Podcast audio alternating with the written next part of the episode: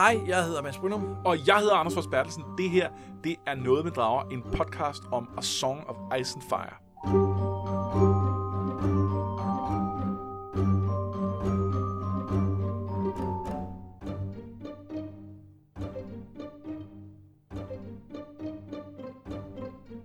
I det her, det allerførste afsnit af vores tredje sæson, der skal det handle om de første otte kapitler plus prologen i A Game of Thrones, den første, det første bind i serien, som jo, øh, som jo ikke er afsluttet endnu.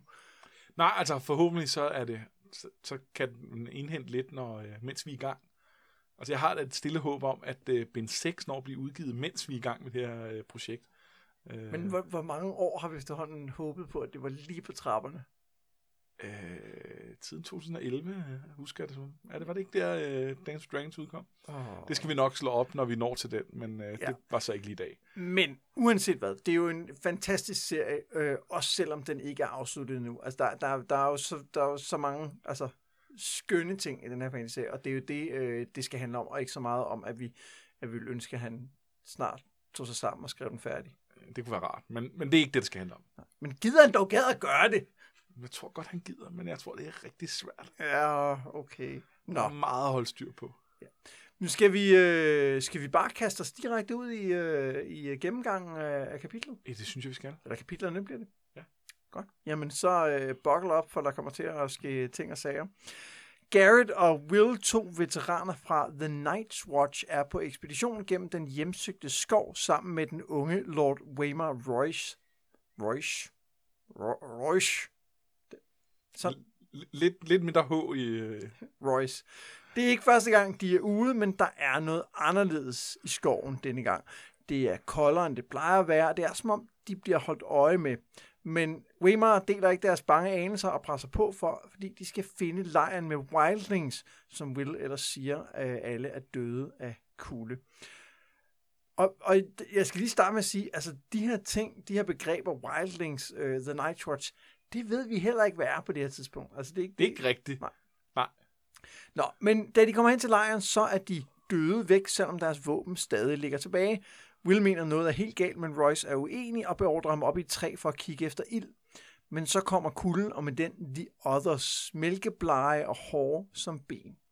Royce udfordrer en af dem og kæmper tappert, men da han svær splindrer i kulden, bukker han under for deres overjordiske klinger. Senere kravler Will ned fra træet og gør klar til at vende hjem, men Waymar Royce har rejst sig fra de døde og kigger på ham med en isblå pupil, mens han klemmer livet ud af veteranen. Det, det er der, vi starter. Det Hvad- er der, vi starter. Hvad kan vi se frem til, tænker du, når man, har, når man lige har læst prologen her? Det er jo, det er jo nærmest en, øh, en, en, en, en horror-novelle. Altså, det er jo, det er jo sådan... Øh, øh, vi ved godt, at der kommer til at ske noget grimt, og det gør der også. Øh, og, øh, og vi kan ikke rigtig gøre noget ved det. Vi kan bare sidde og, og, og vente på, at, øh, at det går horribelt galt. Øh, og det, det er ret fedt.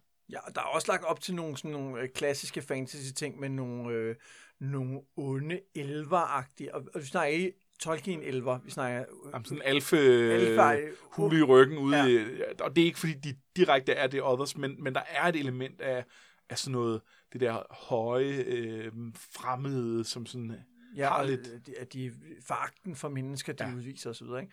Øh, og så, der, så der er op sådan det gode mod det onde i et eller andet sammenhæng. Der er noget med en ridder, altså Royce er en ridder, og, og, og der er en The Night's Watch og sådan noget, så, så, så der er lagt i kokkel, kak, kokkel, kak, kokkelavnen. der, der er lagt op til, der er spændt op til lir, kan man godt sige, ikke? Det, øh, det er der. Øh, øh, men det er jo på mange måder en lidt atypisk, øh, øh, altså en lidt atypisk del af, af, af de her tidlige bøger især, fordi altså, vi glemmer jo i vid udstrækning øh, meget, der sker i resten af... Jamen, det, den, af lad os lige vende tilbage til den, ja. Når vi er nået længere hen i historien.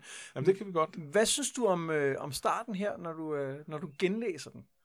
Øh, jeg synes, den er fed. Øhm, jeg, synes, øh, jeg synes, den sætter rigtig meget stemning, og, og, øh, og så sætter den tonen for, for, for det overnaturlige, og for hvad det er.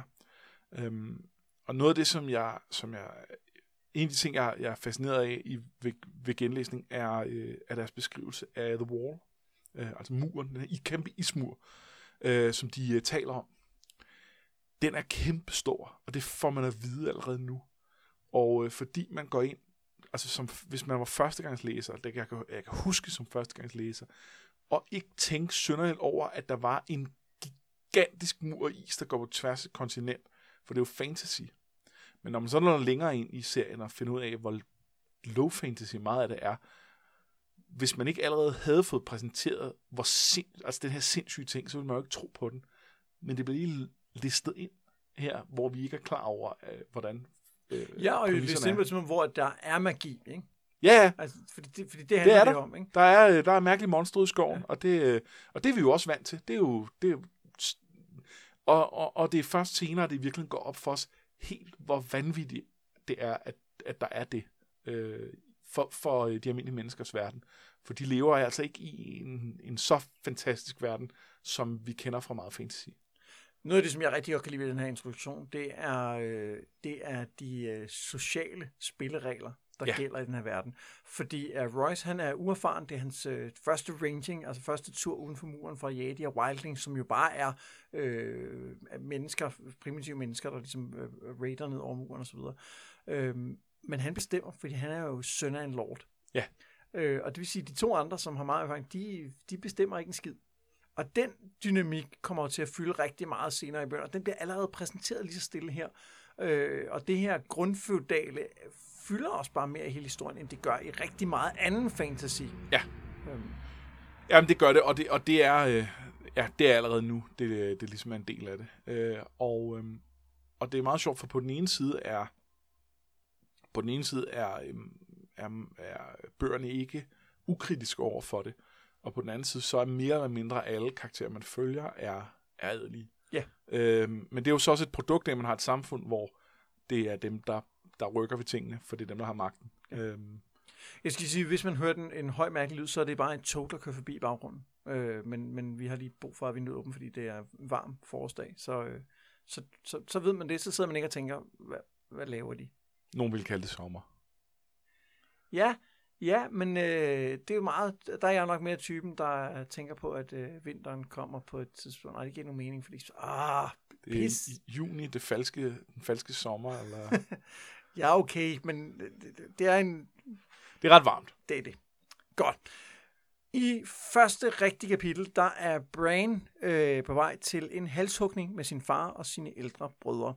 Det er en desertør fra The Night's Watch, som vi hørte om i prologen, der skal dø, og faren Eddard Stark udfører straffen selv, fordi sådan gør de i Norden, forklarer han, hvor den, der afsiger dommen, også må svinge sværet. På vejen hjem, der finder de en død direwolf, en form for kæmpeulv i sneen. Den har fem valpe, og John, øh, Brands halvstorbror, overbeviser faren om, at det er et tegn, og at de bør beholde valpene, fordi den her direwolf er øh, familien Starks våbenskjold. Øh, fordi, og der er tre øh, han-valpe og øh, to hunder, og derfor passer de lige til Eddards ægte børn. Men netop som de er på vej videre, så hører John noget, og lidt væk fra den døde ulv fælder han selv en hvid valp, altså en binovalp, som han beholder. Katlin, Eddards kone, opsøger ham i gudeskoven. Det er der, hvor starkerne tilbyder de gamle guder. Ned, altså som er shorthand for Eddard, fortæller, at The Night Watch mister mænd, og at de snart må ride nordpå for at gøre bugt med uh, The King Beyond the Wall, Mans Raider. For det må være ham og hans wildlings, der skaber problemer. Historierne om The Others tror han ikke længere på. Katlin fortæller, øh, at John Arryn, som er net og kongen Roberts plejefar, er død. Han var sammen med dem, da Robert, altså den nuværende konge, ledte oprøret mod den gale kong Aerys. Og Aryns kone, som er Katlins søster, er taget hjem til sit eget rige, mens kongen nu er på vej mod Winterfell. I har helt styr på alle familierelationerne, ikke? Jo, det, det er slet ikke noget problem at følge med her. Øhm, der er jo mange karakterer, er du sindssygt vand, og det er, når man har læst det nogle gange, så, så, så er det ikke så svært at følge med i, men det er, øh, når man så lige hører det ridset op på den her måde, så er der godt nok meget. Og der er folk, der hedder det samme. Ja, det er... John Snow og John Arryn og alt muligt og sådan noget, og det er ikke de sidste, vi har hørt til. Og jeg elsker, at folk i de bøger hedder det samme. Jeg synes, det er så fin en detalje, Ja. og det er sindssygt irriterende. Ja, det er det. Øhm, men altså, pointen er, at øh, øh, kong Robert har jo været øh, gjort oprør mod den gale konge, Aerys, og der var Eddard Stark med som hans sådan, øh, våbenbror. Ja. Øh, og Eddard er jo, er jo den primære adelsmand i det område, der hedder The North, som senere finder vi ud af, er et af The Seven Kingdoms, som det her, øh, det her kongerige består af. Øh, og nu er, nu er der så... Øh, Ja, så han er, han, er, han er en meget vigtig stormand, altså hvad der svarer, vil svare til en hertug eller et eller andet, altså virkelig øh, øh, big dude. Øh, det, øh, han er vigtig. Hvad, hvad synes du, når man, øh, når man læser de her øh, kapitler, altså både det med halshugning og så det her, hvor, at der, hvor der er mere øh, hofintrige, hvad, hvad synes du, øh, det er sådan hinter om? Øhm, jamen, det, det, det er nogle lidt forskellige temaer. Altså, der, det, man kan sige, hvis vi starter med halshugningen, så er der meget, øh, der er meget øh, karaktereksposition.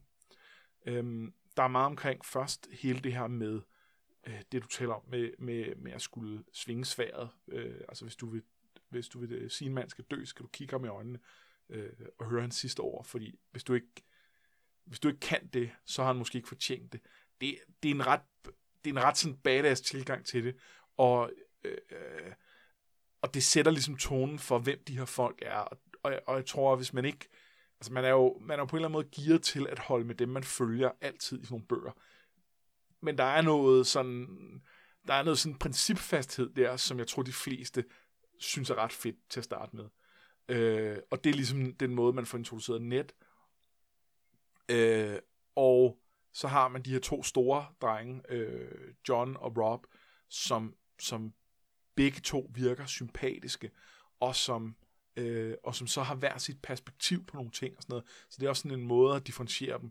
Øh, og, øh, og, og, og inde Brain, som, som, som den her, øh, den her øh, yngre, som skal opleve det her for første gang, og, og er, er sådan søgende i, hvad, han, hvad, hvad er det, han skal, hvordan skal han opfatte verden. Øh, Ja, og Brain-kapitlet er også interessant, fordi det i virkeligheden ikke handler ret meget om Brain. det handler meget lidt om Brain. Det handler Øh, rigtig meget om, øh, om hans far, og så handler det rigtig meget om de to øh, store brødre. Men det er ikke desto mindre den første karakter, vi overhovedet er inde i hovedet på, at, som ikke øh, er en prolog, hvor folk lider en horribel død. Det er et gennemgående tema i prologer. Øh, at, at det gør man, det gør man der. Men, men øh, hvad hedder det? Øh, men hvor man kan sige, at, at den her prolog, den trækker, eller den, det her første kapitel trækker øh, trådet tilbage til prologen med den her desertør, som, som, øh, øh, som er fra The Night's Watch. Som jo er Garrett, og som er Garrett, som er, som er en af dem fra, fra prologen. Øh, som jeg først, altså lad os være ærlige, for alvor gik op for mig, da jeg genlæste den her nu. Altså, jeg har hele tiden haft fornemmelsen af, gud, det er nok en af dem, men det var først nu, jeg lagde mærke til, At- at der var noget med nogle, der frost- frost, øh, ja, øh, ører og sådan noget. Nå, det, det, det er ham. Det, Ja, det, det, lige bekræftet, den, det var den, er god nok. Og, ja. og, øh, og det trækker meget tilbage til der, og der er det her med de her direwolves, som jo også trækker trådet tilbage til, til, øh, til prologen, til det her mærkelige nord for muren, øh, den her mærkelige, vilde, magiske verden. Og så... Øh, øh, og så glider, altså så, når vi skifter til, til øh, det næste kapitel, så peger, så kigger vi ned sydpå, så kigger vi mod hoffet, vi kigger mod det politiske spil, som i virkeligheden fylder meget mere over de kommende bøger. Hvad, øh, hvordan fungerer det med, at øh, vi får præsenteret The Others, de ikke findes? Det er fedt. Det er sindssygt fedt. Øh, det, altså, vi har lige set dem, og så, øh, og så har vi karakterer, som vi, som vi har sympati for, og som vi overordnet set får et okay indtryk af, i forhold til, at de er nogle fornuftige mennesker. Og så siger, de findes jo ikke. Og, og så ved vi jo godt, at oh, det er ikke så godt. Der er, ikke nogen, der, der er ikke nogen, der tror på det her. Og hvorfor skulle de tro på det? Det er jo ikke... Altså, vi vil jo heller ikke tro på det. Nej. Jamen, jeg, jeg er helt enig, jeg synes, det fungerer rigtig godt. Og, og, og, og det er interessant det her med, at man faktisk glemmer, at de findes. Altså, ja. de, de er faktisk ikke vigtige for historien på det tidspunkt overhovedet. Man, man bliver suget ind i det her, som du siger, hofintrige og persongalleriet osv., og, og man, man tænker ikke over, at øh, Nej. der er en eller anden Og, overnaturlig og det er man måske sted. ikke helt nået til på det her tidspunkt. Men, men øh, når man læser, men det gør man i løbet af, af første bind. Altså på et tidspunkt, så har man fuldstændig glemt det, og så handler det altså kun om, om, om intrigerne. Øh, og øh, altså, ja, det, det, øh, det, er en ret fascinerende del af det, at det er sådan et, altså, vi har fået at vide, at der er nogle, nogle rigtig farlige overnaturlige ting, og så ignorerer vi dem, og det, øh, det er der andre, der gør også. Vi skifter scene og tager til byen Pentos, som er en by, der ligger øh, mod øst på den anden side af det smalle hav. Og der venter Viserys og Daenerys på at møde hestefyrsten kaldt Drogo. Øh, de to er de eneste overlevende fra Targaryen-slægten, som var den slægt, som øh, kong Robert gjorde oprør imod. Og de er søn og datter af den gale konge. Og det er altså Daenerys, der er point of view karakter her. De lever i landflygtighed, og Daenerys bror Viserys er kendt som tiggerkongen, fordi han lever på købmænd og adelsfolks nåde. Og med hjælp fra købmanden Illyria, Magister Illyrio, der planlægger Viserys nu at gifte sin 13-årige søster bort til Kaldrogo, som altså har en mægtig hær af Dothrakier, som er sådan en form for mongolsk rytterfolk, kan man godt øh, sammenligne dem lidt med. Øh, og vi lærer rigtig meget om de her to på, på et relativt kort kapitel. Øh, Viserys har åbenlyst et, øh, et mean streak i forhold til sin, øh, sin søster, øh, og er ikke bange for at ty til fysisk vold, mens Daenerys, øh, hun ikke rigtig husker noget fra det Westeros, som hendes bror vil øh, regere. Øh, og hvad synes vi om... Øh, Nej, lad os starte med at spørge, hvad, hvad for en indtryk får vi af, af fristaden Pentos og de områder, som er et andet sted end Westeros? det har et helt andet, et helt andet feel. Øh, og det har sådan, altså der er sådan noget, sådan noget bystat, og sådan, altså det føles sådan lidt, øh, lidt østligt, og lidt, øh, lidt, øh, lidt mere sådan til salg. Alting er til salg på, på øh... Ja, konkret er jo slaver. Ja, ja, det er der, det er der. Øh, og, øh, og på den måde, så, så, så føles det ret anderledes end det her, øh, end det her meget sådan øh, øh, vestlig middelalder, som, som, øh, som man kan sige hele Westeros er, men som måske især Norden, øh, altså den, den altså der er øh, det er meget gritty og, og, øh, og, og nede på jorden, hvor at der er nogle af de andre områder, der trods alt har sådan lidt mere øh, ja, lidt mere sådan uh, renaissance-fil hister her. Ja, men det, er, men det er et ret stort skifte i forhold til, at vi lige har været oppe ja. i Norden, hvor det sådan er meget ja, øh, sådan øh, asketisk på en eller anden måde. Uden at, det, uden at det egentlig er det, så virker det bare sådan. Ikke? Og så er det her mere sådan opulent og, øh, og, og bare anderledes. Det føles meget eksotisk, synes jeg, når man læser det. Ja, altså at vi er taget fra Skotland til et eller andet sted omkring Venedig, eller ja. Byzans, eller sådan noget. Ja. Øh, og øh, det, det hvad synes du om, øh, om Viserys? Jeg, jeg, jeg synes, han er fed. Han er en... Øh, altså, han er jo, han er jo en røv.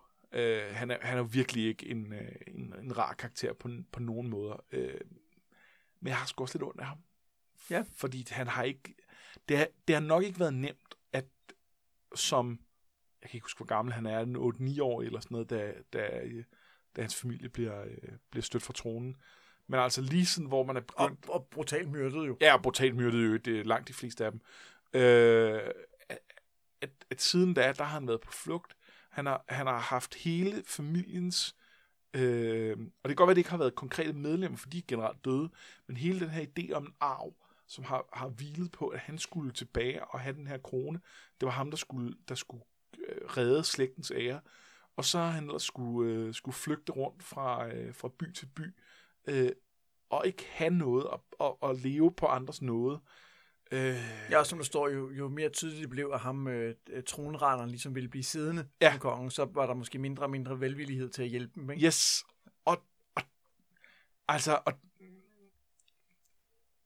altså han er virkelig ikke faldet heldig ud, og, han, og måske var han, var han, havde han været, øh, havde han været en, en skidt fyr uanset hvad, men han har virkelig heller ikke fået øh, nogle særlig gode betingelser for at vokse op og blive, øh, blive voldsomt ligevægtig. Og øh, ja, det, det er hans Han virker som en rigtig røv. Det, det gør han. Ja. Men, men det er rigtigt, der er også, der er, han er også en tragisk figur. Det er han. Ja. Øh, samtidig med, at han, at han ligesom, altså, øh, jeg, er det, ja, det er i det her kapitel, han siger, at, øh, at, han, øh, at han er villig til at lade hele øh, den her øh, hårde af Dothraki, altså mange, mange tusind øh, ryttere og deres heste, øh, øh, øh, øh knippe, ja, voldtage, øh, voldtage øh, øh, søsteren, hvis det kunne bringe hans øh, krone tilbage. Det er ligesom, altså det er sådan et, et moralsk event horizon, hvor... Not cool, Viserys. Ja, det, det, en ting er at, øh, at, at sælge hende til ægteskab med en, en enkelt øh, fyr, som, som så øh, ligesom får hans, øh, hold, hvad hedder det, hånd og halsret over hende. Men, øh, men det her, der, der, ja. der understreger han, hvor, hvor ligeglad han er. Øh, og, og, og, ja. Daenerys er jo en, øh, bliver jo en, en gennemgående karakter i, i, øh, i denne her bog. Hvad, fornemmer man det på det her tidspunkt, synes du? Ja, det, altså, ja nej, det, det, det gør man jo, fordi, fordi vi kommer ind i hovedet på hende, og det gør man, fordi hun er, hun er, øh, hun er umiddelbart sympatisk. Øh, blandt andet er der jo kontrast, altså for det første, så er hun ikke, øh, så, så hverken truer hun eller udøver vold mod nogen, og det er jo en ret klar kontrast til, til broren. Øh, men, men der er også det, at hvor han er for hippet på at vinde det her konge tilbage, og det er det eneste, han kan leve for, øh, så bliver det også understreget, at hun vil jo egentlig bare leve et godt liv, og hun kunne på mange måder blive lykkelig øh, på mange andre måder, end ved at vende tilbage og tage den her, den her krone. Og, øh, og vil være tilfreds med bare at leve et almindeligt liv i et hus i en by, øh, som alle andre gør det, øh, hvis, hvis det i øvrigt var under nogen fornuftige forhold. Det er et sympatisk træk, fordi det, det, det, altså det er i skarp kontrast til, til ham, der kun kan tænke på kronen og magten. Øhm, nu er hun så en af hovedpersonerne i en fantasy-historie, så det er ikke det er ikke det liv, hun skal leve. Det, det kan vi godt sige.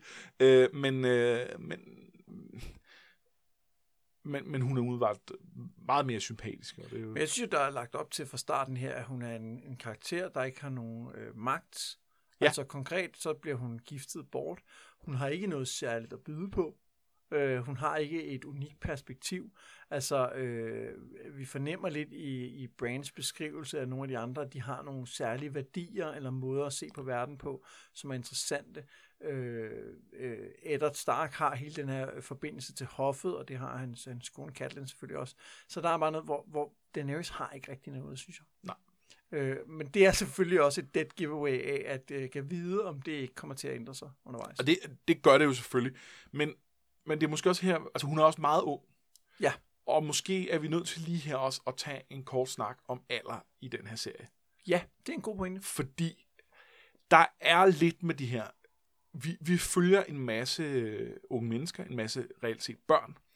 Øh, og jeg tror, Daenerys er hun 13, 13 eller sådan noget, ja. da den starter. Øh, John og, øh, og Rob er 14. Øhm, Bran er vel 8 er 7, eller sådan noget. 7, 7 tror jeg, 7 øhm, øh, øh, øh, Arya Sansa ligger ind imellem... Øh, Sansa er 11. Ja. Som er den ældste datter. Ja, så, så er Arya 9. Ja. Øh, det er jo, selv dem på 14 er jo børn. Og, øh, og, og, og de, de kommer til i den her alder og basalt set skulle opføre som voksne. Øh, Daenerys blandt andet er jo ved at skulle blive gift og bliver det øh, lidt senere. Det, det, det, det skal vi tale mere detaljer om næste afsnit, men, men det, det gør hun. Og, øh, og, og det er jo ikke noget, vi synes sådan rimelig sådan rigtig er okay med 13-årige. Øhm. Nej, og det er også interessant at se, øh, for bare lige kort at berøre tv-serien, så har man jo valgt at øh, lade alle folk være ældre. Ja. Øh, og det er jo nok et rigtig godt valg. Det er et rigtig godt valg, og der, der er ligesom flere ting. For det første, så var der tidligere en plan fra forfatterens side om, at, og at, at serien, bogserien skulle foregå over flere år, end den reelt gør, sådan at de skulle nå at blive ældre undervejs. Og og det er der så nogle grunde til, at det ikke rigtig bliver sådan. De, der går over nogle år, men der går ikke 10 år for eksempel over Han havde regnet med, at han kunne springe nogle år frem. Ja, og, og det kommer ikke til at virke sådan noget. Det gør, at han startede lidt yngre end ellers. Derudover har han godt vil give indtrykket af en hård verden, hvor at, at, øh, at netop man gifter øh, piger øh, bort, før de uh, egentlig er helt gamle nok til, men synes, det er okay, hvis det nogensinde er okay at gifte nogen bort. Uh, og og, øh, og de unge mænd, de bliver kastet ud i, øh, i, i krig, øh, selvom de reelt også er for unge til det. Han har godt vil give det her lidt grumme indtryk, men så samtidig så virker det altså som om, at øh, han har startet med at skrive de her bøger som relativt sådan op i årene fyr, og han har ikke nogen børn selv. Jeg tror, han har under, altså jeg tror, han har fejlbedømt, hvad, hvad, hvor gammel man er, når man er 13-14 år, hvad man kan, hvad man ikke kan, og sådan noget. Jeg tror, at det ville have været mere plausibel og stadig grum historie, hvis de lige havde været to år ældre. Og jeg, og jeg tror, at man, at man jeg tror, man har en bedre oplevelse, hvis man, hvis man lige ryster hovedet og lader som om de to år ældre alle sammen. For sådan nogle ting, der ikke forstyrrer helt så meget. Altså for mig det, handler det bare om, at man blev tidligere voksen dengang i fantasy-tiden. Ja, Øh, og, og det kan man sige, det er der jo også i et eller andet omfang, jeg, jeg ved ikke noget om historie som sådan, men der er jo belæg for at sige, hele den idé om en barndom er jo en relativt ny opfindelse. Altså tidligere var børn jo bare små voksne, ikke? Men, men øh, jeg er ret sikker på, at selv i middelalderen var du ikke færdig uddannet ridder som 14-årig for eksempel. Nej. Altså, øh, men, men du var nok mere voksen, end du er nu, og havde noget andet ansvar. Øhm, du har også levet en større del af dit liv, end du, ja, det er også det, ikke? end, øh, end du har i dag Nå, som så, så 14 for mig, jeg har bare set det som sådan en, en, en realisme-ting også, Ja. ikke? U- og upagtet i øvrigt så, om det reelt er realistisk, så mere som, at det giver en realisme ja. til den her verden, at det er sådan. Men der er noget med, at man i hvert fald lige sådan skal... Øh, altså, ja, det, man skal nok lige øh, lave et dobbelt take på, på nogle tingene, og, og, og, og, og så finde den forklaring, man nu, synes- nu synes er fedest, men ikke hænge sig for meget i, øh, i hvad man selv tænker, en, øh, en 13-årig kan, eller en, en 7-årig i Brains tilfælde. Jeg tænker, jeg tænker dem helt sikkert som, øh, som altså sådan nogle som John og Rob, tænker jeg, som, øh, som, som store teenager. Ja. Og hvor Daenerys tænker jeg som en, en ung teenager, men måske ikke helt 13 i mit Nej. hoved. Øh, og, det, og den justering kan, øh, har jeg bare lavet, mens jeg har læst, kan jeg mærke. Ja. Øhm, Ja, og, og det tror jeg, at man skal lave ind i hovedet, men, øh, og så skal man ikke hænge sig for meget i tallene, for det tror jeg forstyrrer en, men, men det, er, det er lidt, ja, Men samtidig er det også fantastisk, når, når, når øh, Bran hele tiden snakker om, at han er almost a man grown, ikke? Øh, ja, for nu skal han ud og se en henrettelse, og det, øh, det er jo fordi, han er ved at være gammel nok Ja. og sådan noget. Ja, han jeg er tror faktisk syg. først, det er senere, han begynder at snakke om det, men det, Ja. ja. det er meget sødt. Tilbage i Winterfell ankommer Eddards gamle ven, kong Robert. Han er blevet fed i løbet af de 15 år, der er gået siden oprøret. Men det første, han gør, er alligevel at blive ført ned i krypten for at vise sin respekt over for Nets søster Liana, som oprindeligt var hans, altså Roberts forlovede. De to, Ned og Robert, ikke Robert og Liana, taler om øh, John Arryns sygdom, og om at kongen ikke bryder sig specielt meget om det der med at øh, regere. Og så siger Robert, at han er kommet til Winterfell for at bede netvær sin hånd, som er altså sådan en form for visekonge, en, en funktion, som Martin har opfundet til den her verden, øh, eller specifikt et embede, han har opfundet. Ja, det er en eller anden første ministerpost, øh, og, øh, og, og man kan sige, det, det, det er vel et eller andet sted sådan en, hvor hvis kongen er stærk, så er det hans højre hånd, og hvis kongen er svag, så er det reelt regenten. Øh, øhm, øh, og, og, og Robert øh, er måske ikke decideret svag, men han gider ikke, og derfor har han brug for en, der, der basalt gider lave alt arbejdet, så kan han... Øh, Og det var så John Arryn, deres øh, plejefar, som Ja. ja. gjorde det, men han blev så syg og, og døde. Øh, men kongen foreslår også, at hans ældste øh, søn bliver gift med Neds ældste datter, Sansa. Men Ned er ikke meget for det, også fordi hun jo kun er øh, 11. Øh, og så fordi han tænker, at han hører til i Norden, fordi vinteren er på vej. Og det er jo stakkernes øh, sådan, øh, Valgsprog. øh, valgsprog, at uh, the winter is coming. Øhm. Til festen om aftenen sidder John ikke med sammen med kongen og sin familie, fordi han jo er en uægte søn, og det passer ham helt fint. Helt fint, tænker han, mens han drikker mere og mere vin. Hans onkel Benjen, som tjener i The Night's Watch, sætter sig ved siden af ham, og de taler om, at øh, Eddard ikke ser helt feststemt ud. John siger, at han vil tjene i vagten ligesom sin onkel, men Benjen prøver at tale ham fra det. Det er et hårdt liv, fortæller han, og brødrene afsværger så mange ting, blandt andet det med at kunne stifte familie. Men tilbage fortæller Benjen venligt, når du har selv har fået et par bastardunger, men det får John til at råbe om, at han aldrig vil få bastardunger, hvorefter han stormer ud fra festsalen, mens folk kigger.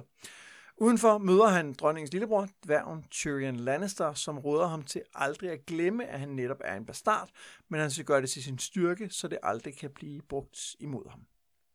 Er der noget her, vi lige skal vende? Ja, det er der. Det er der. Der er meget. Øhm, jeg har måske ikke så meget at sige til den første del, øh, det vil sige det kapitel, hvor, øh, øh, hvor Robert ankommer. Men, øh, men vi skal snakke lidt om, øh, vi snakker om John. Øhm, og øh, der, der er sådan flere ting. Det første er, John er øh, sådan i, øh, i forhold til serien som helhed en af mine yndlingskarakterer. Og jeg var i virkeligheden, da jeg genlæste det her, lidt overrasket over. Jeg synes faktisk, at, at det her første kapitel er sådan lidt... Øh, jeg ved ikke om, jeg synes dels synes jeg, kapitlet er lidt svagt, og dels synes jeg, så, så, så er Rob godt, eller ikke, øh, så John godt nok meget, øh, meget emo og meget, øh, han, han, er, han er ikke helt blevet den karakter, han bliver senere. Øhm, og det er jo også fair nok, det er jo, der, der skal også noget udvikling ind. Øhm, men, men i den forbindelse kunne jeg også tænke mig at nævne det her med, at han er bastard. Fordi det, det fylder ret meget. Og, øh, og det siger også noget om, hvad det er for en, for, nogle, for en historie, vi skal i gang med. At, at det er altså noget, man går op i. Øh, og der er altså der er jo nogle fantasybøger, hvor tanken om at, at præsentere uægte børn vil være sådan lidt mærkeligt, fordi det implicerede jo, at folk knaldede uden for ægteskabet, og det vil lægge meget vægt på, at de havde sex, og ikke bare sådan blev gift, og så på magisk vis, så kom der børn frem. Øh, og, og, og selvom der har ikke været en sexscene endnu, det skal nok komme, men så er det, så er det allerede nu, begynder vi at forstå, at, at det her med kødeligheden, det spiller faktisk en ret stor rolle. Og det, øh, og det er blandt andet gennem det her med, at der er, der er bastarder. Øhm. Plus det er jo også, øh, det, samtidig knytter sig det jo også an til sådan en klassisk fantasy-ting med, at øh, blodet er vigtigt. Ja. Altså Aragorn er jo nok det, øh, altså virkelig berømt eksempel på, at han er, jo, han er, hans blod går helt tilbage til de ældste konger, og derfor har han nu øh, ikke bare ret til tronen i Gondor, men han kan også nogle ting, som almindelige mennesker ikke kan. Ja. Øh, og den, det der betydning af at være ægte eller ikke ægte, er jo allerede antydet her, ikke? Jo, og det, og det bliver så også interessant, øh, hvis, hvis man kører ind i sådan en Aragorn-tanke med, at man arver alle de her ting gennem sit blod, øh, tæller det så, hvis man er uægte? Øh, umiddelbart ikke jo, fordi man får ikke lov til at sidde med sammen med, med kongen. Man, man er ikke, man, der er jo også noget urent over bastarder. De er jo det er der jo, det er der men, men, men det er... Øh, det er altså, tankegang i bogen. Det er ikke min holdning. Nej, og jeg er heller ikke sikker på, at... Altså, der er tankegang, er der helt sikkert blandt, blandt øh, karaktererne i bogen. Ja. Men jeg er ikke sikker på, at den er der i verdens regler. Nej, ikke sådan, men, men det, der bliver, ja, det, det kan vi snakke om, når vi kommer længere hen, men det, men det er i hvert fald en ting, man taler om det her med, at, at, der, at der er andre regler, det er måske den der måde, man nu er kommet til verden på, smitter af på, hvilken person man er. Ja, ja, Jamen, det, det er helt sikkert, og der er noget, der er noget fantasy der, men, men der er noget med om, om øh, hvordan det helt præcis, øh, altså, øh, altså kan, kan, øh, kan John få en ulv, en, en, en, en, en magisk øh, direwolf, selvom han er bastard. Det kan han jo til synligheden godt. Er det så, fordi han slet ikke er bastard? Men det er han nok. Men, men han men, fik jo også bastardulven, som er blevet udstødt af de andre. Præcis. Ja. Altså, så, så der, er noget med, øh, der er noget med det. Øh, og, øh, og det synes jeg er interessant. Øh, og... Øh, jeg, synes, jeg læste øh, for nylig en øh, artikel omkring... Øh, øh, stabilitet og øh, altså de her vikinge øh, kongeriger, at, øh, at noget af det, der gjorde dem skrøbelige, var, at man var afhængig af, at man fik mandlige arvinger. Ja. Øh, og, og det er jo interessant, at hele det, hele det feudale samfund, når det er baseret på, at man skal, øh, man ligesom har øh, slægten, som, som er bærende for kulturen og for, for styret, så bliver det her med uægte børn jo et problem. Fordi altså, de kan jo tilrende sig magten, og det er jo noget, vi ser især lige om lidt med, med Catelyn, Altså, at øh, for hende er John jo ikke bare et, øh, et bevis på, at hendes mand har knaldet udenom. Det er jo også en trussel mod hendes egen børn. Ja. Fordi hvad nu, hvis han på et tidspunkt tænker, jeg vil være Lord of Winterfell i stedet for hendes ældste søn, så har han et reelt mulighed for at blive det. Ja, ja og det, kom, det bliver jo blandt andet vist ved, at, altså, at, at øh, øh John øh, ligner øh, en Stark mere. Han ligner net mere, end, end Rob gør, fordi Rob ligner sin mor. Ja. Øh, og, øh, og, og det er jo ikke et kæmpe problem på nogen måde, men det er bare sådan en... Der er et eller andet med sådan, at, at, at altså noget, noget tilhørsforhold, hvor at, at, øh, at man da godt kan forestille sig nogle, øh, nogle lords, som, som hvis, øh, hvis John kommer spangulerende ind og, og ligner en ung Ned Stark, øh, at det bliver lidt lettere for ham at overtale dem til, at, øh, at de skal følge ham, fordi, øh, fordi det er jo, det, ham her kender vi jo. Øh, men ja, det, det er men, måske så ikke lige den John er, men, men, øh, men, men, men man kan godt forstå Katlins frygt i den sammenhæng. Ja. Og man kan også sige, at den John, som vi ser her nu, er jo en anden end den, vi så i uh, Brands kapitel, hvor han så ham udefra. Ikke? Altså, fordi jo. der var det jo, han var jo, han var jo klog, og han var selvopoffrende, altså han var villig til at sige, at jeg behøver ikke få en ulv, fordi jeg er den uægte sådan, for at de andre kunne få de der ja. ulve. Og han havde en, en visdom i forhold til, hvordan han så på den her fange, der skulle henrettes. Og det er der jo ikke nu. Altså, han er, som du siger, emo, ikke? Altså, han er, ja. han er faktisk lidt en idiot. Men han er en idiot, og det, og det er jo ikke sidste gang i den her bog. Men, øh, men jeg, jeg, havde ikke, jeg huskede det faktisk ikke så meget fra den her. Forsmåelse Ja. ja. er en beskrivelse, der beskriver ham, synes jeg. En ting, jeg øvrigt mærke til nu, nu, nu, øh, nu vi er ved, ved John, øh, det er, øh, det er så godt nok fra, fra det der brain-kapitel i starten. Han, øh, han siger, at han hører øh, Ghost, øh, altså ulv, øh, den øh, albino-ulven, som, som, som han senere kalder Ghost. Han hører den et stykke væk. Resten af bogserien, der hører vi ikke Ghost sige en lyd. Den er altid stille. Øh, og det synes jeg var en fed detalje. Ja, men det er ikke en, som man lægger mærke til, når man, øh, når man læser øh, kapitlet, synes jeg. Jo, nu gør Ja, man. men det var, altså, nu, ja. nu, nu, nu spurgte du tidligere til sådan noget genlæsningsting. Ja. Der, der, ja. Men jamen, helt sikkert, det er en ting, og, og, og faktisk, når man læser Passagen, så øh, bliver det jo eksplicit sagt, at der ikke er andre, der hører det. Altså, det, det Ja, ja. Eller, eller mere og mere eksplicit sagt, at det er, det er John, der hører en lyd, det er Ja, ja. ikke alle de andre. Det er ikke alle de andre. det er- Øh, og, det, og det viser jo, at de er, det, det er ikke bare ulve, det er ikke bare kæleulve, de har en, en større betydning, og, og det, det, det skal vi nok komme mere ind på senere, men det, det, det, det ved nogle af jer godt. Øhm, så, øh, så ja. Og så møder han jo Tyrion, som er en, en ret vigtig øh, karakter. Ja, men jeg, jeg tænker ikke, det er en, vi skal bruge en masse tid på i Nej, det her det afsnit, fordi han har jo ikke øh, et point of view kapitel endnu. Hvad, hvad synes du om hans, øh, om hans øh, hvad hedder det, øh, akrobatik? det, det har jeg det svært med. Øh, og ikke som i, jeg synes, det er dårligt. Øh, men, jamen, han, han laver jo en samtale ned fra et eller andet sted, hvor han sad op over en dør eller noget, og lander på hænderne og kan noget. Og jeg har det med, fordi jeg jo altså, virkelig har det mentale billede af Peter Dinklage fra, Ja, ja, fra serien, som, jo- som, jo, som jo rammer den rolle virkelig, virkelig godt. Og han laver jo ikke akrobatik. Øhm, Det, det generelt fylder det heller ikke noget senere. Det virker som sådan en ting, som, øh, som forfatteren synes var fed i den første bog, og så på et tidspunkt tænkte, ah, måske var det ikke så fedt endda, og så har han lidt, øh, lidt skrevet ud. Øh, Ja. Vi har i hvert fald ikke set ham lave meget øh, gøjleri siden. Nej, der bliver hentydet til det et par gange senere hen i serien, ikke? Men, men det er ikke noget, der, nej, det er ikke noget vigtigt. Det, er rigtigt. det virker lidt mærkeligt her. Det virker lidt malplaceret. Men Tyrion synes jeg, vi skal vende tilbage til, Ja, lad os gøre det. øh, når vi kommer til øh, næste afsnit. I kapitlet efter, der taler Catelyn med sin øh, mand Ned om kongens tilbud. Øh, han har lyst til at afslå, men hun siger, at det kan han ikke, fordi Robert er konge nu, og konger kan ikke lide at blive talt imod.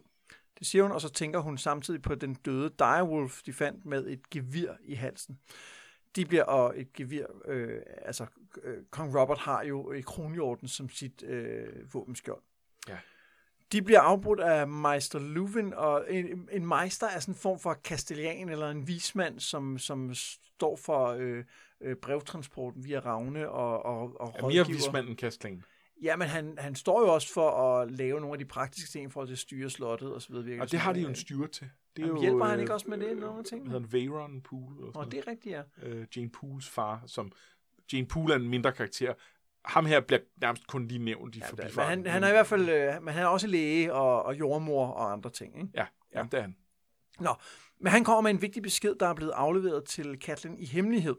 Øh, det er fra hendes søster øh, Liza, som fortæller, at hendes mand, altså John Arryn, som tidligere var Hand of the King, er blevet dræbt af dronningen af Lannister-familien.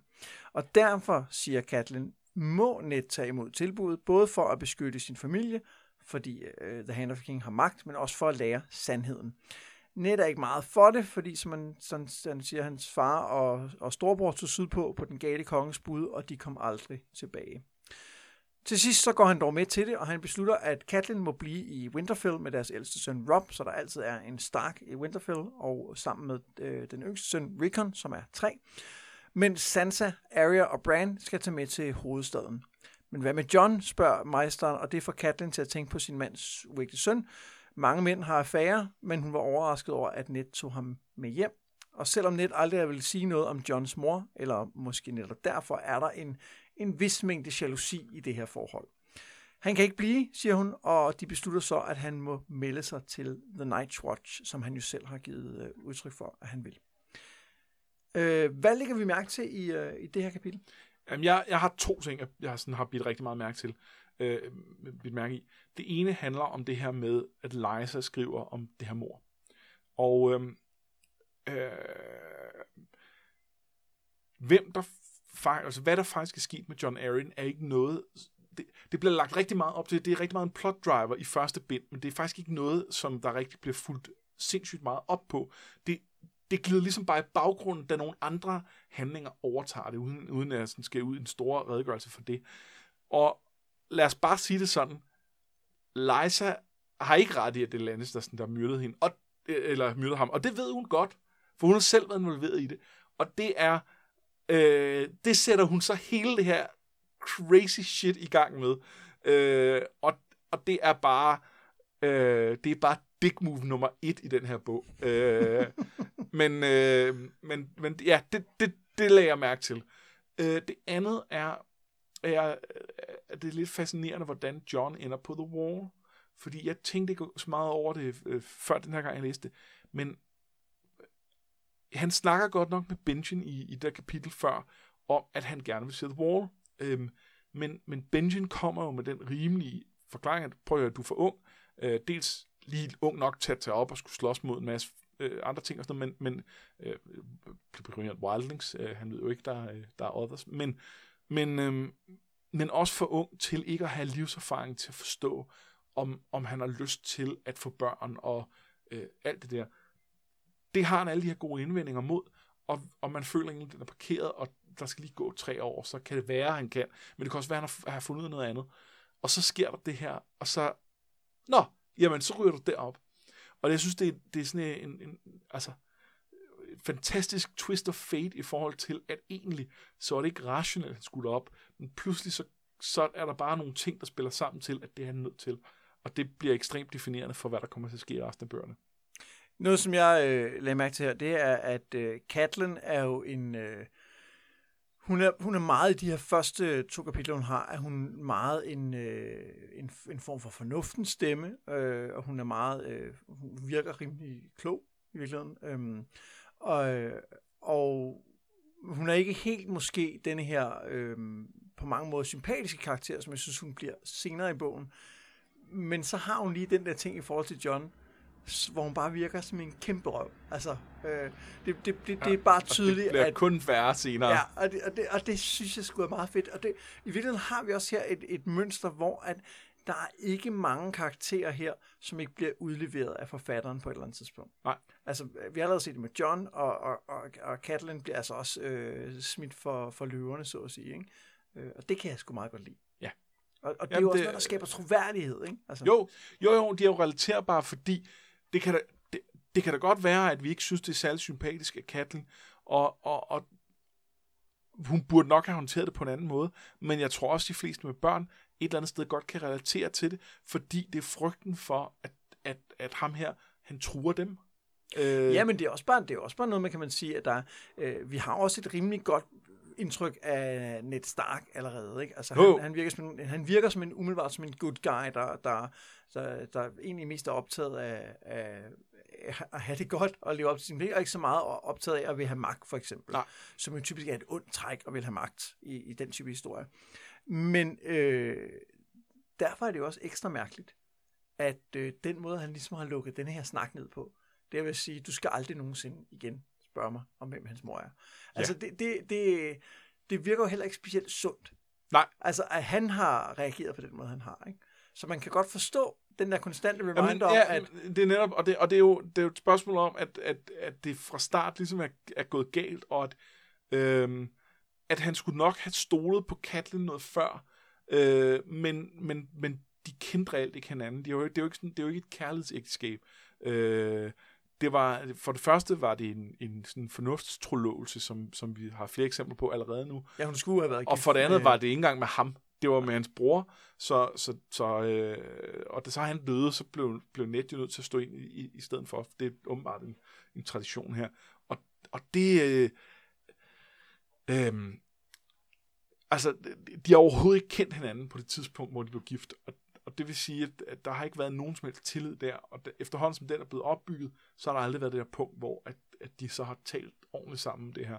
Nå, men også bare, man kan sige, ikke bare tale om, men også bare, man skal sige, give en begrundelse for, hvorfor ja. man ikke, altså, det, fordi man kunne også bare, man kunne godt tale om det og, og sige, men det her, det er for smertefuldt for mig, eller jeg skammer ja, ja. mig for meget, eller, eller at han ja. kunne have løst det på han rigtig kunne have løst det på nogle andre måder. Og, og jeg synes her, vi ser Kim med, at at Ned Stark er ikke den her ufaldbarlige karakter, Nej, som man får et ikke. indtryk af i starten, han er, fordi han virker så bundreel.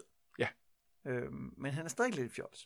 Men det er fordi, når han har nogle følelser bundet op i det, så kan han ikke på samme måde. Og han er, han er, han er et godt eksempel på en, som, som omverdenen betragter øh, som sådan en ærefuld knudemand, der, øh, der kun gør alt det rigtige. Ja. Øh, og som vi også selv som læser er lidt tilbøjelige til at tolke på den måde.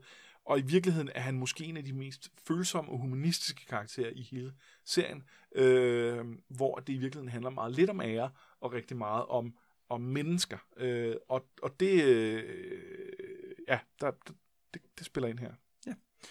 Nå, men øh, skal vi øh, fortsætte? Ja. Arya, som er Ned og Catelyn's øh, næstældste pige, syr sammen med sin ulideligt perfekte storesøster Sansa og den lille prinsesse.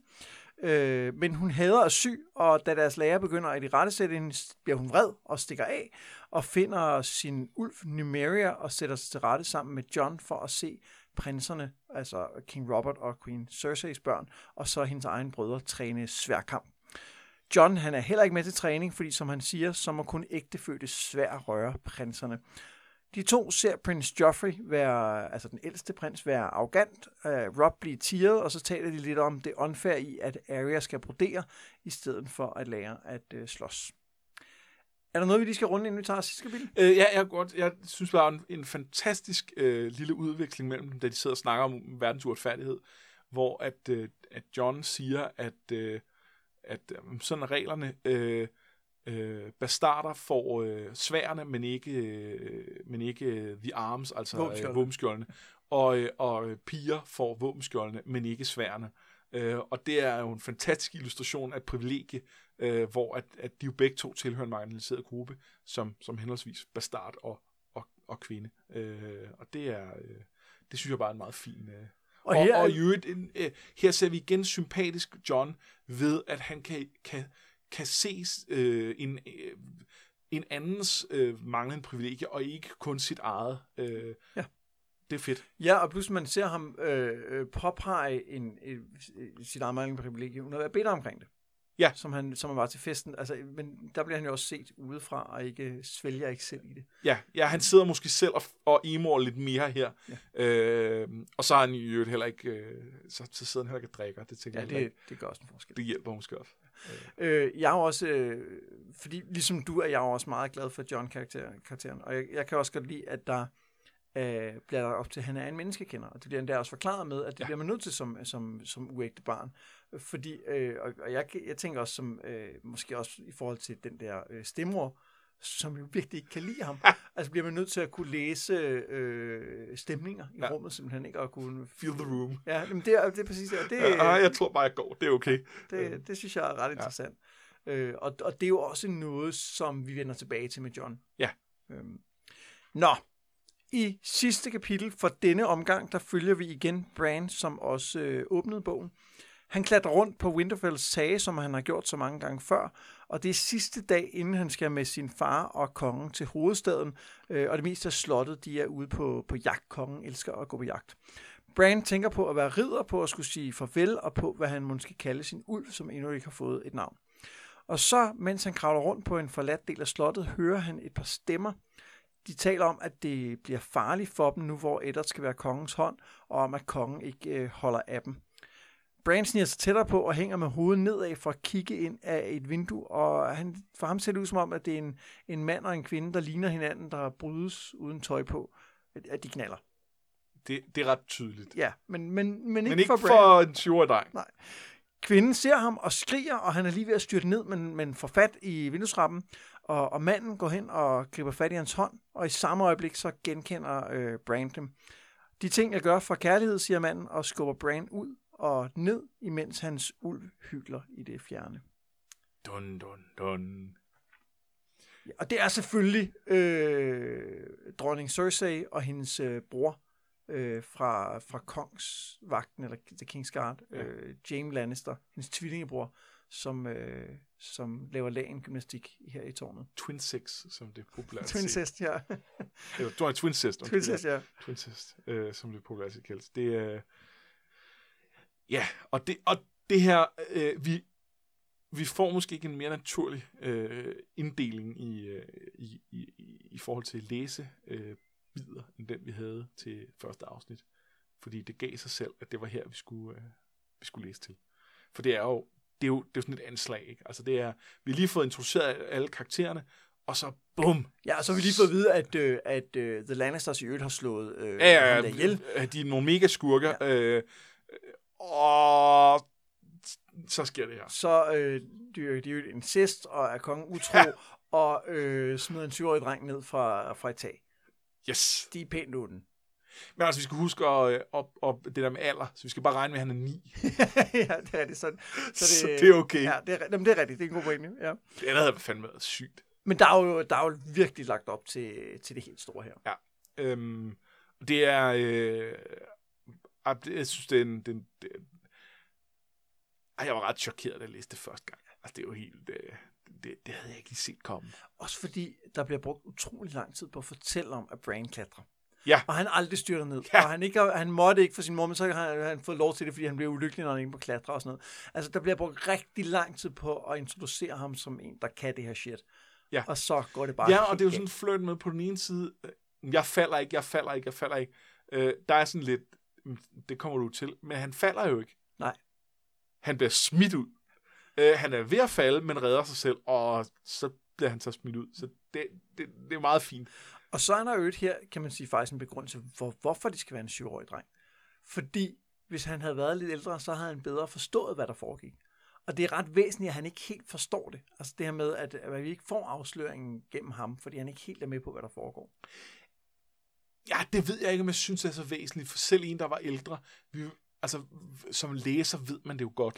Nå, jamen, nu snakker jeg om, at øh, det, er jo også, det er jo også derfor, han sniger sig tættere på. Det Nå, fordi, det er rigtigt. Øh, altså, Det er rigtigt, hvor den, øh, øh, at en, en, et ældre barn, der godt vidste, hvad der foregik, øh, hvis, hvis, hvis, vedkommende sned sig tættere på, ville det være sådan lidt peeping tom-agtigt, og det kunne... Altså, ja, plus at der, der der er også, at han måske kommer til at sige en lyd eller noget, og der vil Ja. en, en ældre måske være mere forsigtig og vide, Ja. der er noget galt her, hvor Ja. han er mere sådan, oh, hvad er det for hvad noget? det Det, må jeg, Det- det bliver jeg nødt til lige at kigge på, Ja. og så videre. Ikke? Jamen, det er rigtigt. Ja. Det er en god pointe. Øhm, Kan du huske, kan du huske prologen på det tidspunkt? al- altså, da, da jeg læste den første gang, eller Jamen nu, bare sådan i det hele taget, når du sidder og læser på det tidspunkt, har du, har du prologen præsent, når du sidder og læser?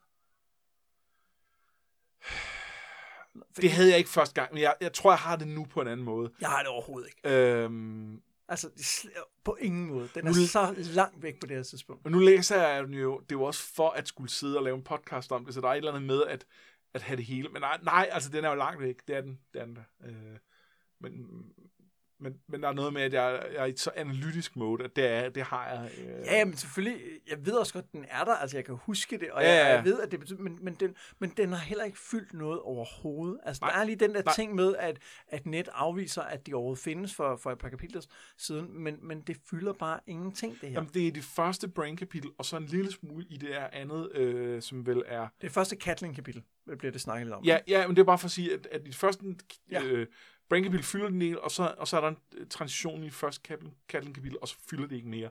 Så er det væk, så er det lukket. Og der kommer nogle ganske få drøb øh, ned i resten af handlingen.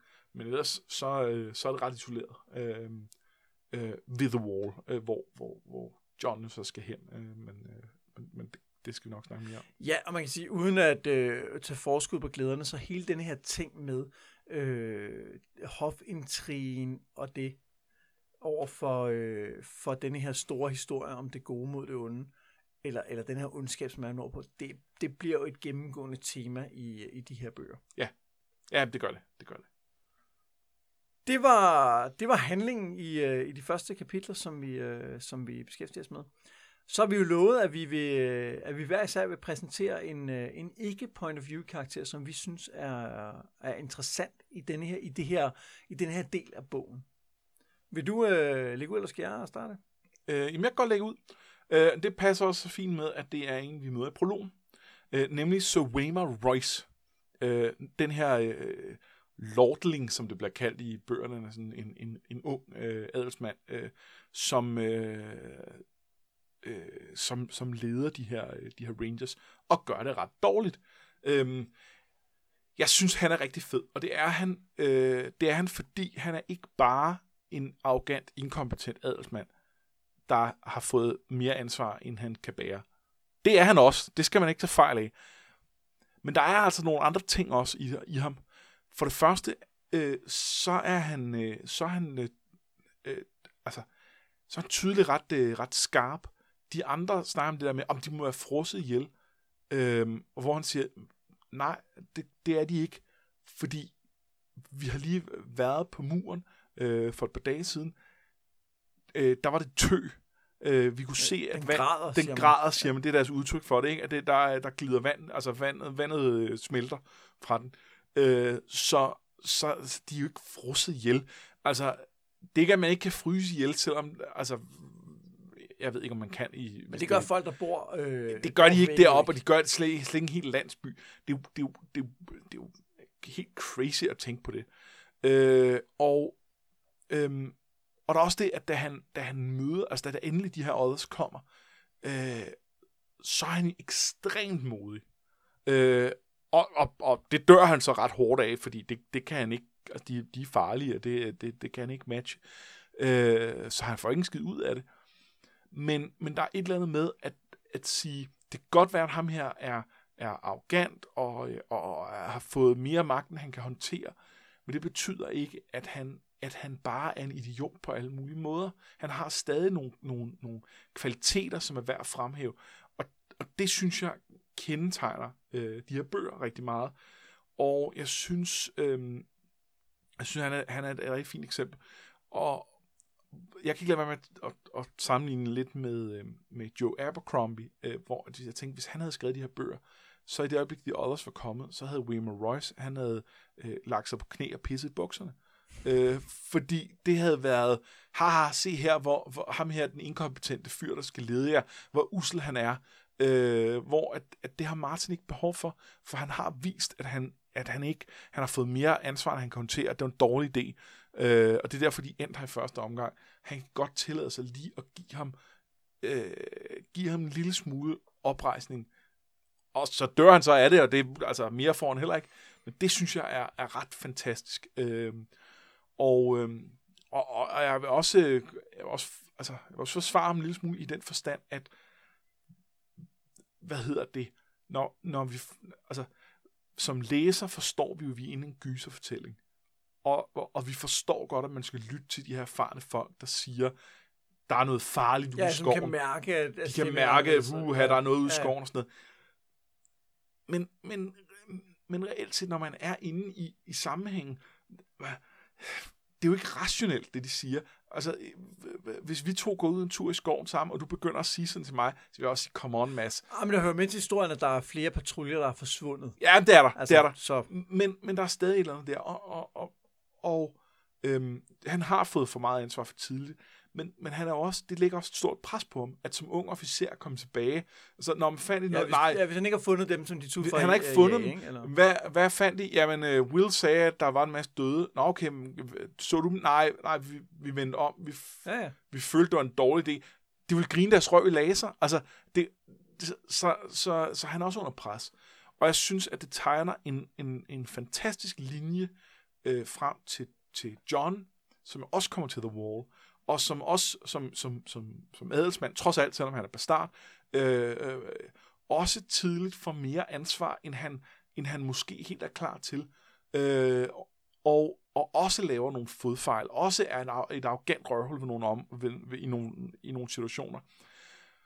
Og det er ikke for at sige, at Waymar Royce nødvendigvis kunne have udviklet sig væk fra at være det her arrogant røvhul, men måske hvis han havde overlevet det her, måske kunne han have, have, have, have blevet en, altså have, have rykket sig. Men i virkeligheden er det jo ikke interessant, hvad han kunne være Nej, blevet. det er også lige meget. Det der, det, der er det interessante her, det er jo, at øh, allerede i prologen, der lover Martin os faktisk, hvad det er, de her bøger kommer til at handle om. Nemlig karakterudvikling. Ja. Fordi du har øh, Wamer, som, som, som går fra altså, øh, at være den her øh, buffoon, ikke? Altså, som Ja. ikke har styr på en skid til at være, være, i virkeligheden være en ægte ridder, der siger, okay, men så mød mig i kamp og, og kæmper for, for det, han ligesom står for. Ikke? Jo. Øh, Og, så- og så en lille, en lille ekstra bemærkning til, til, øh, til ham er jo, at, øh, at lige nu er han bare Waymar Royce, den yngste søn af et eller andet gammelt hus. Vi kommer faktisk til at møde øh, hus Royce øh, senere i, øh, i flere omgange, især i, i ben 4 og 5, øh, men, men, men, men, øh, men i flere omgange undervejs. Øh, jeg, jeg tror allerede i, i Ben 2 er der en af hans brødre med og sådan noget. Der, det, og det, og det, er, det synes jeg også er med til at understrege øh, noget af det fede i de her bøger, at, at der er tænkt over nogle af de her ting, de her huse, øh, de, de, de har en identitet på en eller anden måde. Det er fedt. Men der er jo, øh, der er jo faktisk mere udvikling i et prologen, fordi at øh, Will som jo på mange måder er det tætteste, man, altså som er på en måde er point of view karakteren i det her. Ja, det er han. Det er han, øh... han udvikler sig også, fordi han ændrer sit syn på William Royce, fordi han, de starter med at kalde ham for en, en boy hele vejen, og så siger han til sidst, at han, han dør som en mand, ja. fordi han tør stå op mod, øh, yes. mod den her. Så, så der har man jo faktisk også en udvikling ja. i, at han, at han ser noget af nogle andre, som man ikke så oprindeligt. Ja. Så, så det lover rigtig godt, så. synes jeg. Ja, så dør han. Men det, så kan det gå. men, men jeg synes bare, vi, ja. vi er bare blevet lovet noget godt allerede her. Ikke kun det her gys, men også, at det handler faktisk også om de karakterer, der er med i historien. Ja. Hvad med dig? Jamen, øh, min... Øh, er slet ikke lige så, der er slet ikke lige så meget guf, fordi at, øh, det er jo en karakter, som vi kun lige kort møder på det her tidspunkt. Men det er Viserys. Ja. Og, vi, og vi har rørt lidt ved, hvorfor han er en spændende karakter. Men øh, jeg, kan bare, jeg kan bare rigtig godt lide ham, fordi han er et røvhul. Altså, og, og jeg, jeg, jeg, jeg kan... Jeg kan sgu nogle gange godt lide det der lidt sorte-hvide, Altså, med at du har en, en, en, en skurk, som er en skurk, fordi han er en skurk. Og så er det godt, at man kan, som du prøver at sige, at han har heller ikke haft det nemt og sådan noget. Ja, han er skidebold, han har haft det nemt. Han er, det er en røvhul, der tror med, at hans søster kan blive voldtaget af en hel her af, af, ja. af beredne kriger og deres heste. Og det kommer ikke til at ende godt, det der. Det gør det ikke. Det, det ved man bare, og man ved ikke, hvordan det kommer til at ende godt. Man ved ikke, om det er Daenerys, det kommer til at ende godt for ham. Men der, der, han er en tækkende bombe. Ja. Og det ved man. Og han, og han har noget der, som, som William Royce jo også har, den her arrogance, ja. som følger med det at være adelig i den her verden i hvert fald, som, eller med at have privilegier i virkeligheden, som, som jeg synes er rigtig interessant. Ja, og, og, og det han mangler er jo konkret magt, fordi du kan måske slippe afsted med det, og sl- altså at slippe sted med hans grad af, af, af, af arrogance og, og, og douchebaggery, hvis man, hvis man har rigtig meget magten. Det har han ikke, for den har hans familie mistet, og det er ikke en god kombo. Ja, og så kan man sige, at øh, vi har hørt jo kun øh, sådan for byfarten, at den tidligere konge var kendt som The Mad King, og vi ved faktisk ikke, hvorfor endnu. Men så, så, så møder man så hans søn her, øh, og tænker, ja, det kan være, at det ligesom løber i familien, ikke? Jo. Men jeg kunne egentlig også godt tænke mig lige at sige, at jeg synes, når du nu, når du nu siger, at, at der ikke er lige så meget kød på, at det synes jeg egentlig er lidt... Øh, der, der, der, der ser du dit eget lys under skæppe, for jeg synes faktisk, der er det. Vi har jo bare allerede talt om det, da vi dækkede kapitlet. Ja, men jeg har jo ikke valgt ham, fordi, på grund af alt det, vi talte om. Jeg har primært valgt ham, fordi han var en skurk. Ha. Og fordi jeg sidder med en klar fornemmelse af, det, det her, det kommer til at gå galt. Og, det, og den fornemmelse kan jeg bare godt. Og, og især og nu ved genlæsning, så kan jeg, så jeg ved jo, hvordan det ender med den karakter. Og det, jeg, det kan jeg, altså, det gør mig helt varm indeni. Ja.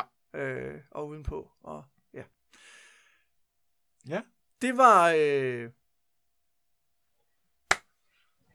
Altså, hvis, øh, hvis man lige har tid, så kunne jeg også godt nå en, øh, nogle bobler. Ja. Bare lige kort, fordi nu, jeg, var, jeg var ret fristet at vælge Illyrio. Og, øh, som er den her købmand, der... Den her øh, købmand, og, og det er blandt andet, ja, som, som huser øh, Viserys og Daenerys. Ja. Og, og det er jo det er jo blandt andet, fordi da jeg første gang læste bøgerne, der så jeg ham bare som den her købmand, der hjalp dem for at, at have en chance, når de selv kunne over til tronen. Og da ligesom, da ligesom først deres handling kørte sporet et eller andet sted ude i en ørken, så, så glemte jeg egentlig alt om ham og tænkte, så er han ude af handlingen. Øh, men altså, selv i Ben 5, det nyeste, der er udgivet, der er han altså en spiller, der trækker nogle tråde hister her. Øh, og og det, øh, det er også ret fint, at han allerede bliver præsenteret her. Men, men spørgsmålet er jo som, nu, nu hintede du øh, i starten til det her med, at øh, Martin selv har beskrevet sin proces som, at øh, der er nogle forfattere, der er arkitekter og bygger modeller og laver, øh, og så er der nogen, der er gartnere, og han er i den sidste kategori. Altså han passer ligesom en have der får lov til at vokse lidt i forskellige retninger. Ja, altså hvor han ikke har udtænkt alting fra start, men bare plantet nogle, nogle, øh, nogle frø, og så øh, vokser nogle planter op, og så beskærer han lidt, og så...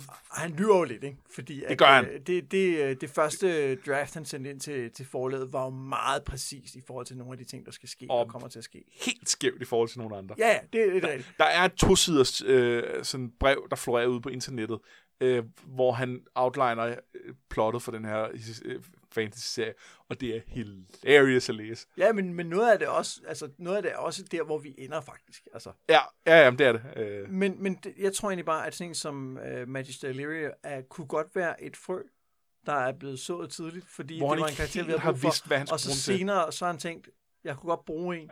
Hov, den der plante derovre, som har fået lov til at stå lidt, det kunne godt være, at jeg lige skulle beskære den, og så kunne jeg faktisk bruge den i min samling. der er et, et øh, ARIA-kapitel lidt senere i den her bog, hvor vi skal snakke om, hvorfor det ikke er sådan. Men øh, lad os tage den en anden gang. Åh, oh, spændende. Jamen, det var, øh, det var første afsnit om øh, Game of Thrones, og vi er jo tilbage om 14 dage med et, øh, med et nyt afsnit. Hvis du vil være med i snakken, så kan du hoppe ind og være med på vores Facebook-gruppe, Noget med Drager, øh, hvor vi... Øh, Ja, vi snakker nogle gange, vi skriver. Der er også lidt øh, tråde om, øh, om Dragonlance og Baldur's Gate og ting og sådan noget derinde, men, øh, men der, der er faktisk meget, øh, meget godt gang inde. Øhm, og, øh, og vi er jo glade for alle de, øh, de dragesvorene, der kommer ind og, lige præcis. og Næste afsnit, det øh, kommer til at handle om de kapitler, der løber til og med øh, det næste brand-kapitel. Altså Brain 3. Og det er cirka 80 sider fra, hvor vi er nu, i hvert fald i den øh, paperback-version, vi tager udgangspunkt i. Så, så det er der, I kan ligesom læse med. Hvor, hvor mange gange i løbet af den her podcast-serie kommer vi til at sige, i hvert fald i den paperback-version, vi læser. Øhm, jeg tror, jeg kommer til at variere det lidt, så, øh, så det nogle gange bliver lidt anderledes. Og vi, og vi har jo øget, øh, så er det så ikke der, hvor man bør sige, at det er... Øh, men det er også det der med, at de der øh, amerikanske fantasybøger, og de bliver altid udgivet sådan af forskellige forlag i England og i USA, så man ved aldrig, hvad Og jeg, og jeg er læser også en- en anden end dig, men det Ja. passer nogen med sidetænderne. Men det, hvis den ikke passer 100%, så vil det blive et større større problem over Ja, bogen. jeg læser A Bantam Spectra Book-udgaven. Ja, hvilket oplag? Det er, det må være den fra august 2005. Ja, det kan næsten ikke passe. Det er god radio, det her. Ja. Stor idiot. Hvis du øh, har lyst til at støtte vores lille øh, projekt her, så kan du hoppe ind på nogetmeddrager.10, altså 10er.dk, hvor at man kan give en øh, fast lille skærv per, per afsnit, og så bruger vi de penge ansvarligt på, øh, på hosting og, øh, og andet. Jeg har faktisk øh, brugt nogle af dem på at købe øh, nye øh, øh Songrejsen for bøger. Fordi nogle af øh, mine gamle var ved at falde, falde fra hinanden, og nogle af dem havde lånt ud til folk, jeg ikke ved, hvem er. Øh, så det var... Øh, Ja, jeg tænker faktisk også, at jeg på, måske på et tidspunkt bliver nødt til at have øh, World of Ice and Fire, altså den her øh, bog der. oh, hvor, øh, men så skal man læse den, og jeg har hørt, den er lidt kedelig. Ja, det er den nok, men jeg vil bare gerne, jeg vil gerne have kortene. det, jeg, jeg, jo, jeg var ved at gå amok over, at øh, i, i, øh, i bøgerne er der jo kun kortet over Westeros. Og, og det, det, hvor tæt på ligger alt det andet egentlig. Og det, jeg ved godt, det kommer senere, men der er bare ikke aldrig den der sammenligning, hvor man kan se, at The Narrow Sea faktisk er ret narrow og sådan Nej, noget. Det, det, det er der andre kort, hvor man kan. ja, ja, men det, det vil jeg have. Jamen, det er klart. Der, hvad hedder det, man kunne også købe, øh, købe øh, Duncan Egg øh, bøgerne, øh, hvad hedder det, novellerne, og øh, lave bonusafsnit med dem. Ja, og det er jo faktisk lidt... øh, Okay, nu bliver det totalt nørdet.